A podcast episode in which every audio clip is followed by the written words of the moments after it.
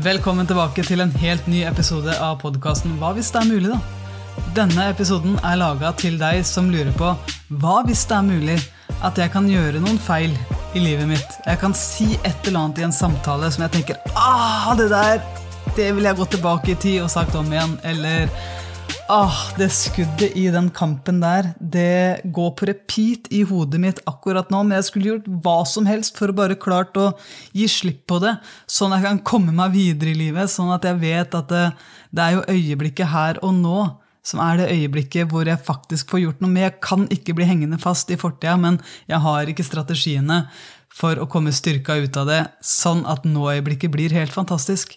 Så hvis du er en person som av og til føler at du er litt hard med deg sjøl, så er den podkasten her til deg. Jeg har lyst til å bidra med noen strategier som jeg har brukt sjøl, og som jeg fortsatt bruker, i de øyeblikkene hvor jeg kjenner at nå kjører den indre stemmen min meg ganske hardt. Jeg er ganske knallhard med meg sjøl på noe jeg har sagt eller gjort, eller dømme, Jeg kan dømme meg sjøl veldig hardt hvis jeg ikke er oppmerksom på at det er det jeg gjør. Det er jo nummer én. Eller hvis jeg har gjort noe som jeg kjenner at åh, det her, det, det ville jeg gjort om igjen. Jeg får ikke gått tilbake i tid, men jeg skulle virkelig ønske at jeg kunne gjort det her om igjen. Så, så hvis du har noen sånne settinger, enten på, i idrettskarrieren din, Kanskje er det en, en kamp som ikke ja, var på det nivået som du vet inni deg at du har lyst til å være på. Kanskje er det en medarbeidersamtale hvor du kjenner at åh, der bomma jeg, jeg skulle vært mer lyttende, og jeg klarte ikke å være til stede. Jeg hadde overload i hodet, og jeg hadde ikke nullstilt meg nok før det møtet. Så den som jeg prata med, fikk ikke hele min oppmerksomhet. Eller det kan være at du kanskje var litt reaktiv overfor ungene dine eller kjæresten din, eller et eller annet hvor du kjenner at åh, det, det, gjør faktisk litt vondt fortsatt, og jeg er litt hard med meg sjøl fortsatt. Eh, I de øyeblikkene så fins det noen ting vi kan gjøre. Jeg har lyst til å presentere til deg nå noen strategier som jeg håper kan gjøre deg glad og, og litt sånn fri på innsida. Fordi det er jo en grunn til, tror jeg, da, at fokuset vårt har lyst til at vi skal se det som skjedde om igjen. Det er jo en grunn til at vi etter sånne situasjoner går tilbake i tid og hører vår egen stemme, vi ser våre egne handlinger, vi ser at det her som blir gjort. Hva hvis det er mulig at vi trenger å se det her for å kunne vite hva gjør jeg neste gang jeg er i samme situasjon for å komme styrka ut av det? Er det noe jeg trenger å gjøre i forkant? Er det noe jeg trenger å gjøre underveis? Er det noe jeg trenger å, å forberede de andre på, som skal være der sånn med meg? Er det noe jeg trenger å forberede meg selv på? Eh, jeg tror at vi blir dratt tilbake i tid og ser disse situasjonene om igjen nettopp for å lære. Men hvordan kan vi lære av det? Hva er det vi kan gjøre for å faktisk komme styrka ut av det? Det har jeg lyst til å dele med deg i dag. Fordi jeg har, jeg har vært ganske knallhard med meg sjøl selv, selv i, i, mange år, og spesielt når jeg spilte håndball, for der kom kamper og treninger helt på stripe. Og det går jo veldig opp og ned som en idrettsutøver. Jeg føler vi får litt sånn livet komprimert. Vi får veldig store oppturer, vi får veldig lange nedturer. Eh, ikke lange, men vi får veldig dype nedturer. Og det er, det er, sånt, det er et følelsesspekter der som er helt enormt. Og når jeg står i øyeblikket på banen, så er jeg helt avhengig av for å klare å leve opp til den standarden som jeg har trent meg sjøl inn i, så trenger jeg å klare å være der når jeg er der. Og jeg har oppdaga nå da, eh, at det her er jo helt likt alle andre situasjoner. Det her gjelder jo ikke bare idrett. Det her gjelder i samtaler, det her gjelder når jeg skal jobbe, når jeg skal lage podkast, når jeg skal eh, være sammen med ungene mine, når jeg skal være sammen med kjæresten min, når jeg skal være sammen med vennene mine. Jeg har lyst til å være der når jeg er der. Og for å klare det så trenger jeg å bli fri fra mye av det som har skjedd i fortida, og også fri fra litt av det som, som, da kanskje skal skje i fremtiden. Selv om det jo er fri fantasi, så har vi en sånn viss peiling på hva som skal skje i morgen eller om en time. eller sånt. Og fokuset vandrer jo der, fram og tilbake opp i vår mentale verden, som en vindusvisker. Så jeg husker veldig godt jeg skulle inn i et mesterskap, og jeg hadde veldig lyst til å klare å jobbe med nå-øyeblikket. Og jeg hadde veldig lyst til å være litt snillere med meg sjøl i de øyeblikkene hvor jeg mislykkes. For jeg, jeg visste at jeg kommer til å feile. Jeg vet det at når du skal inn og spille en hel kamp, underveis i den kampen så er det en stor sjanse for at du gjør noe som ikke er 100% tommel opp. Det er veldig stor sjanse for at du kommer til å gjøre det i et møte, i en samtale. Det er veldig stor sjanse for at vi noen ganger ikke lever 100% opp til det vi hadde drømt om at vi skulle gjøre. Det skjer ting underveis. Og når vi tør å ta sjanser, så kan det også hende at vi feiler. Det er jo en del av prisen å betale, så hvordan kan jeg bli en person som tåler å feile? Og det betyr ikke at jeg skal være helt naiv og tenke at ja, men det er ingenting å feile, jeg kan bare feile, feile, feile, feile, feile for jeg gir faktisk 100 null i det, for nå har jeg noen nydelige strategier. Så det betyr at uh, ti år senere så ser du deg sjøl som en person som bare saboterte for laget, for du ga egentlig null oppmerksomhet til konsekvensen da, av at du hele tida tok sjanser som kanskje ikke lønte seg. Det er ikke den type likegyldighet jeg snakker om. Vi skal lære av det, og jeg har lyst til å gi deg en strategi som, eh, som jeg jobba med sammen med idrettspsykologen på landslaget i alle mesterskapa jeg spilte. Og det ga meg så enormt mye styrke. Det ga meg så enormt mye trygghet i å tørre å prøve igjen. For det er det som ofte skjer da, med oss, øyebl eh, oss øyeblikker. med oss mennesker i det øyeblikket hvor, hvor, vi ser oss selv feile. Det er jo at uh, noen får den der vet du, det her trenger jeg bare å gjøre igjen umiddelbart for å bli kvitt følelsen og for å sette meg sjøl i en ny tilstand. Og noen tenker det her må jeg faktisk ikke utsette meg selv og andre for, så jeg resignerer. Jeg slutter å gjøre de tingene som, som jeg tidligere har gjort, for jeg er redd for at jeg skal feile igjen. Og det er det vi har lyst til å unngå. Så hva hvis det er mulig at du kan fortsette å gjøre det du har trent deg sjøl opp i. Du kan fortsette å tørre å satse, du kan fortsette å tørre å ta sjanser, og du kan lære og du kan gradvis bli bedre for hver eneste gang. Enten du lykkes eller du feiler. Og det som er litt av utfordringa, som jeg òg oppdaga særlig kanskje i den første perioden på landslaget, det er at det, eh, i min mentale verden så føltes det ut som at jeg hadde et forstørrelsesglass med fokuset mitt. Og at fokuset mitt bare dro det forstørrelsesglasset over de feilene jeg hadde gjort. Har du opplevd det før? At det, det er akkurat som at de, de tingene du har gjort som ikke du er direkte stolt av, det er akkurat som de blir forstørra at de blir større i din mentale verden. Er akkurat som vi gjør de større enn alle de andre tingene vi også har gjort, som er bra. De får ikke de tingene som er bra, det er akkurat som de ikke får like mye oppmerksomhet av oss, fordi vi har forstørrelsesglasset vårt på de tingene som vi ikke er så stolte av. Og hvis vi ikke verdsetter det som også er bra da, hos oss sjøl, så kan det etter hvert gå ganske knallhardt utover selvtilliten. Så jeg håper virkelig at uh, det her er en episode som kan gi deg noen verktøy.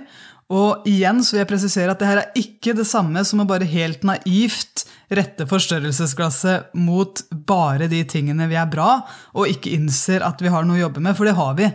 Vi skal definitivt bli bedre. Og det er det jeg elsker med den ene øvelsen som jeg har lyst til å gi deg nå. Eh, etter hver eneste kamp med det norske landslaget så sendte jeg en melding til idrettspsykologen vår. Og den var ganske lang. Av og til så sendte jeg bare et bilde av det jeg hadde skrevet. Andre ganger så skrev jeg på mobilen, og så sendte jeg jo en tekstmelding. Ehm, men i det øyeblikket du har gjort noe, se for deg en situasjon hvor du har gjort et eller annet, en oppgave du har utført. Det kan være noe som har vært bra eller dårlig. Vi skal nå bare jobbe med en vanlig evaluering. Se for deg noe som du har gjort i løpet av de siste 24 timene dine. For meg så kan det være om jeg spilte inn en podkast, eller det kan være at uh, jeg, uh, jeg, kjørte Gro på tog i går fordi jeg skulle til Romania. Eller det kan være at jeg jeg hjelpa en kompis med å lansere et konsept som han nå akkurat har, uh, har lansert. Uh, gå inn og se nå hva er dine øyeblikk, hva er det du har hatt som oppgave, og som du har gjort i løpet av de siste 24 timene eller to dagene dine, som er ganske nært akkurat nå. Det kan være at du allerede nå har merka at ah, shit, ja, fokuset mitt har egentlig vandra til den situasjonen ganske mye nå. Hvorfor det, tro? Bare se om du kan finne en sånn situasjon hos deg akkurat nå. Jeg kan bruke eksempelet håndballkamp, fordi det er det jeg begynte å bruke denne øvelsen her i. Ehm, Etter hver eneste kamp så skrev jeg til vår idrettspsykolog tre ting som jeg hadde gjort den kampen som var bra, og hvorfor det var bra. Etter det så avslutta jeg da med hva er én ting jeg har lyst til å gjøre bedre i morgen, og hvordan ser det ut når jeg gjør det bedre? Og grunnen til at det her som kalles 3-1-metoden, altså tre bra ting, og én ting jeg har lyst til å gjøre bedre, og hvordan jeg ser ut når jeg gjør det bedre, hvorfor det fungerer så enormt godt for meg, det er jo for det første fordi at jeg faktisk gjennomfører det, og ikke vite det er ikke bare sånn at jeg vet om det som en øvelse som er lur å gjøre. Det her er noe som jeg faktisk gjennomfører, og fortsatt gjør. Og jeg har meldingene foran meg nå som jeg sendte til min idrettspsykolog. Eh, som jeg, jeg, har lyst til å lese en av de for deg, sånn at du kan se at det her er faktisk En av grunnene til å lykkes med den øvelsen, det er at du faktisk gjør den. Det holder ikke bare å vite om den, men i det øyeblikket du setter deg ned og skriver den, så vil du få opp helt nye bilder i din mentale verden. I det øyeblikket du faktisk gjør det her, så vil du også kanskje møte I hvert fall så gjorde jeg det. I starten så møtte jeg den indre stemmen som sa tre ting. Anja, du var ikke bra på tre ting i den kampen der. Og det er jo helt naturlig, for mitt forstørrelsesglass var jo ikke på de tingene som var bra. Jeg klarte bare å se de tingene jeg hadde gjort som ikke var så bra. Så min første trening her, det blei jo å finne Og jeg adda etter hvert ordet 'minst'. Jeg skal finne minst tre ting. For det for meg så blei det en sånn positiv greie på at da, ja, men da må det jo være minst tre ting, da. Eh, og, og, bare det å begynne å leite etter de tre tingene som var bra, og faktisk å akseptere at eh, de er der, det å leite etter det Og jeg blei også litt konfrontert med janteloven, for jeg begynte å sammenligne meg med de andre. Og så begynte jeg å tenke ja, men sammenligna med de andre, så var vel ikke det jeg gjorde, så bra. Men det spiller ingen rolle. For sammenligna med deg, så er dette tre bra ting for deg. Og det er det som også blei en del av min trening når jeg gjennomførte denne øvelsen her, det er at jeg sammenligner meg med meg og jeg går inn og tør å være ærlig på at jeg vet at jeg gjorde noe bra i den kampen, og jeg skal finne minst tre ting som var bra, og hvorfor de var bra. Så hva er det her for deg i din situasjon akkurat nå? Hvilke tre ting var det du gjorde som du, hvis du våger nå å bare åpne opp, våger å sperke den janteloven litt bak, våger å bare virkelig tenke at mest sannsynlig så var det noe som var veldig, veldig bra. Det var minst tre ting som var bra. Og jeg, alt jeg trenger å gjøre nå, det er bare å bevege forstørrelsesglasset litt bort i den positive enden av den mentale verden og kikke litt på det. Har du det, forresten? Har du et sted i den mentale verden hvor den situasjonen ligger? Og Legg merke til det nå. Er det, er, det til, er det, til, venstre, er det til høyre, er det over deg, er det ved siden av deg? Hvor er den situasjonen ligger hos deg? Oppi din mentale verden. Og, og, se nå om du kan dra det forstørrelsesglasset ditt litt oppover, sånn at du ser hele situasjonen. Sånn at du kan se alt du gjorde i situasjonen, klart og tydelig. For det som er litt av utfordringa, det er at vi, vi er oppe i vår mentale verden. Og så beveger fokuset seg tilbake til situasjonen, og så beveger forstørrelsesglasset seg nedover og nedover og nedover og nedover og nedover i situasjonen. Og det gjør at det blir vanskelig å se hele situasjonen, for vi ser ofte bare I hvert fall i de øyeblikkene vi har det med oss sjøl, så ser vi bare de tingene vi gjorde som var feil. Men dra nå det forstørrelsesglasset opp, og beveg det litt rundt i ulike elementer. Og legg merke til ok, hvis jeg nå, hvis jeg løfter perspektivet litt her, hvis jeg ser hele situasjonen, hva er det jeg da kan se som jeg tidligere ikke så, som kanskje var i blindsona mi fordi fokuset mitt og forstørrelsesglasset mitt de gjorde de andre tinga større? Så hvilke tre ting er det du vet inni deg at du i den situasjonen gjorde som var bra, og hvorfor? Hvis du f.eks. nå landa på en samtale, så kan det være at du du var god på å lytte. Jeg var veldig til stede, jeg lytta til det mennesket som prata til meg, og, og, jeg var der faktisk med hele meg. Det var en av de tingene jeg gjorde som var bra. Ok, Og hvorfor klarte du det? Hvorfor var du til stede? Hva hadde du gjort i forkant av den situasjonen? Hva var det som gjorde at du hadde en kropp som var i ro og uten stresshormoner? Hva var det som gjorde at du var til stede? Hva gjorde du? Hadde du lagt bort telefonene dine? Hadde du dem på lydløs? Hadde du, hadde du en eller annen setting rundt deg som, gjorde, som muliggjorde den situasjonen for deg? Det, hvilke valg hadde du tatt som gjorde at du blei lyttende i den situasjonen? For i det øyeblikket du begynner å gå ned i detaljene, så plutselig så kan det dukke opp noen ting der sånn som, som kan gi deg en selvtillit på at wow, ja, det her er faktisk noe å være stolt av. Ja, jeg gjorde noen valg i forkant. Ja, det her var ikke flaks uflaks, det var faktisk noe jeg gjorde. Så gå inn i situasjonen nå og tenk hva var det du gjorde? Og finn tre ting som var bra, og hvorfor det var bra. Få med så mange detaljer som mulig.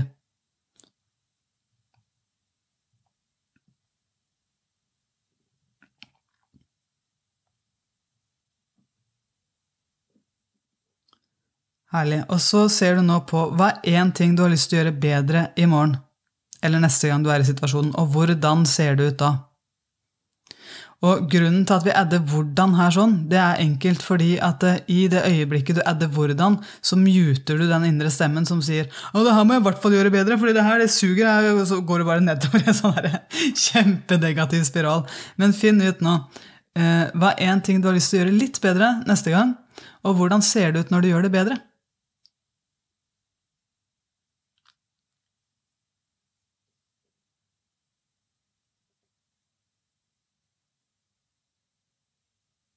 Legg merke til alle detaljer, så mange detaljer du kan komme på.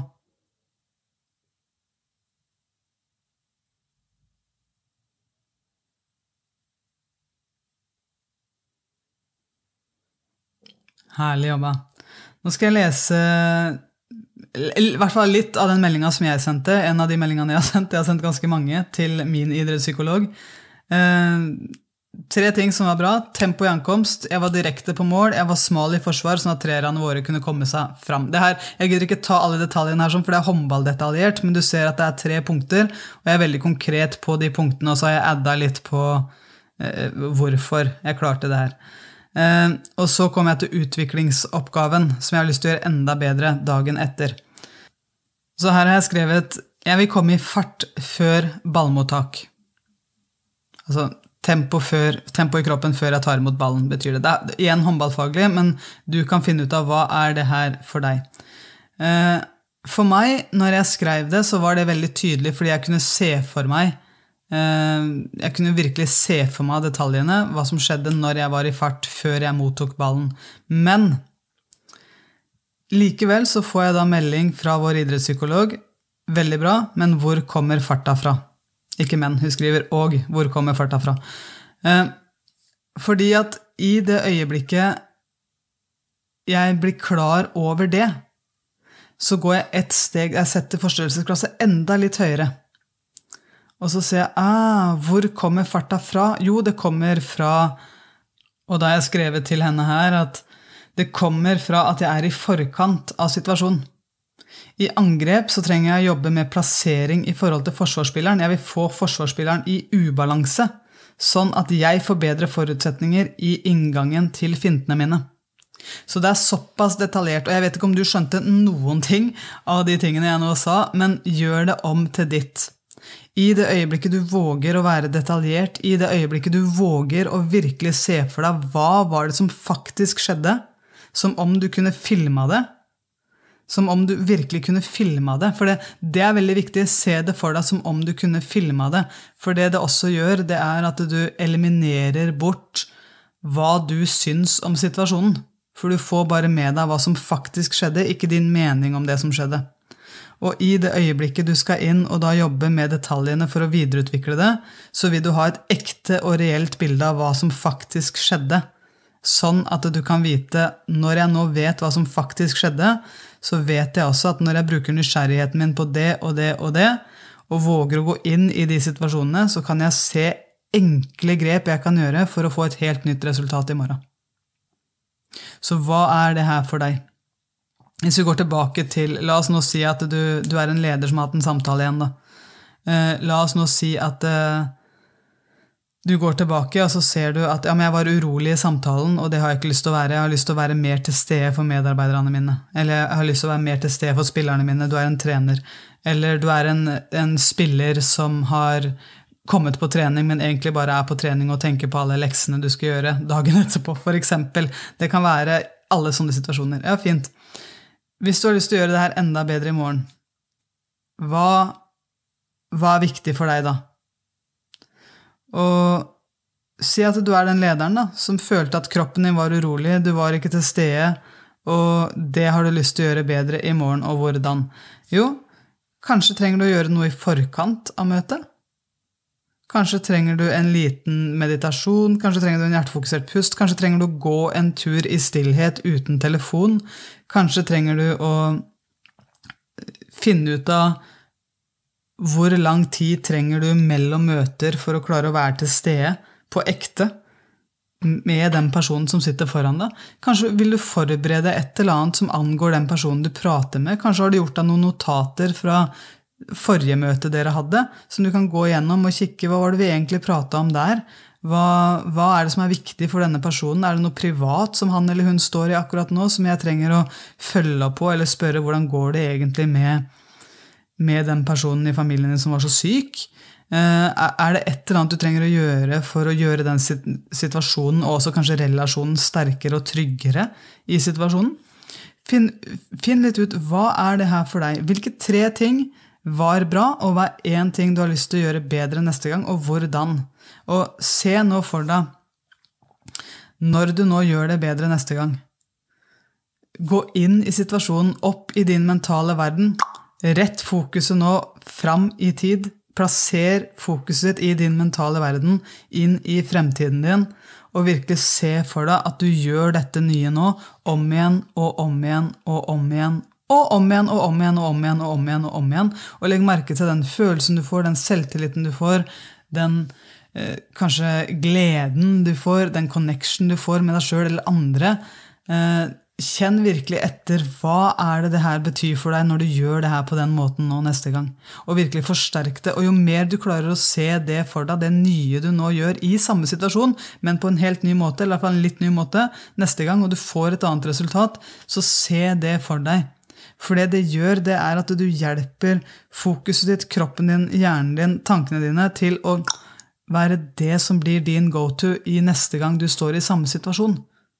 I det øyeblikket du klarer å virkelig visualisere deg Jeg skal lage en egen podkast på visualisering. Det er enormt kraftfullt. For når du kjenner detaljene, du vet hva du vil gjøre, og du vet nøyaktig hvordan du skal gjøre det, og du ser det her om igjen og om igjen og om igjen og om igjen, og om igjen i hodet ditt, og du kjenner følelsen i kroppen din, så vil det være som om du allerede har gjort det.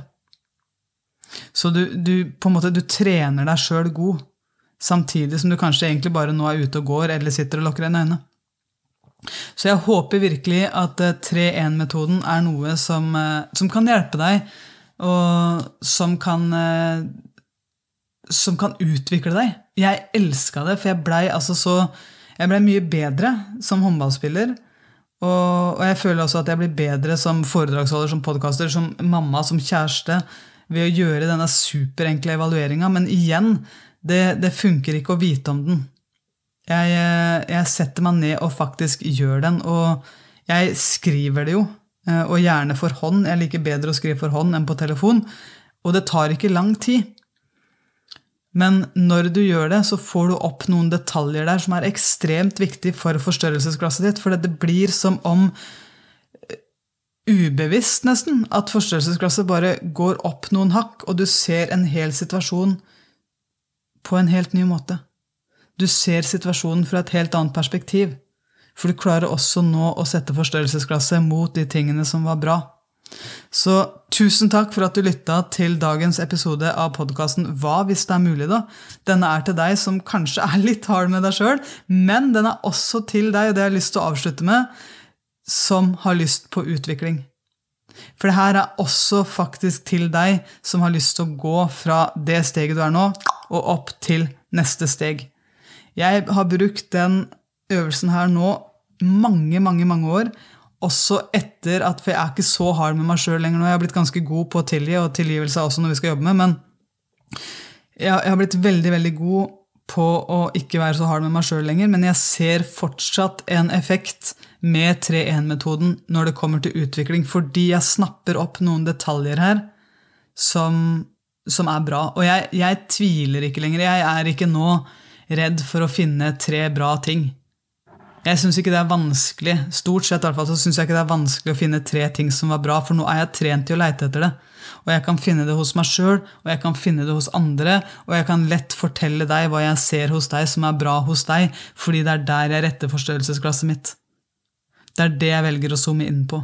Så når du begynner å trene på det her, så vil du merke at ja, det er en fordel for deg, det er en fordel for din utvikling, og det er en fordel også for at du klarer å se et større perspektiv av hele jobben du har gjort. Men du kan også nå snappe opp noen detaljer som, som gjør at du blir mye bedre i de situasjonene som du tidligere kanskje hadde én normal på. Når du gjør det her, så vil du heve normalen din, mest sannsynlig, men du vil også merke at du klarer å Se hva andre gjør som er bra, fordi du har trent i å leite etter det som er bra. Og du har også trent i nå å ikke være helt naiv og tenke at eh, da skal jeg bare fokusere på det som er bra, og aldri face sannheten. Jo, vi skal også våge å tappe inn i hva det vi har lyst til å gjøre bedre, og hvordan. Sånn at vi sikrer at eh, det er, det er både godfølelsen og det er utviklingsfokuset, men vi har fortsatt, uansett hvor god jeg blir på det her sånn, så har jeg fortsatt tre positive ting som jeg vet er bra, som jeg leiter etter først. Jeg holder meg til de tre positive tinga. Og én ting, kun én utviklingsoppgave som jeg har lyst til å gjøre bedre neste gang, og hvordan. Og jeg tror det her er jeg, jeg, tror det her er gull for flere enn meg, så det var derfor jeg hadde lyst til å dele den litt dypere i dag. Jeg vet jeg har nevnt øvelsen før, men nå gikk vi litt dypere inn, inn i dag, og jeg håper det er noe som kan bringe deg og glede. Så tusen, tusen takk for at du hørte på dagens episode av Hva hvis det er mulig, da. Jeg setter veldig pris på det. Jeg heier veldig på deg. Nyt dagen videre.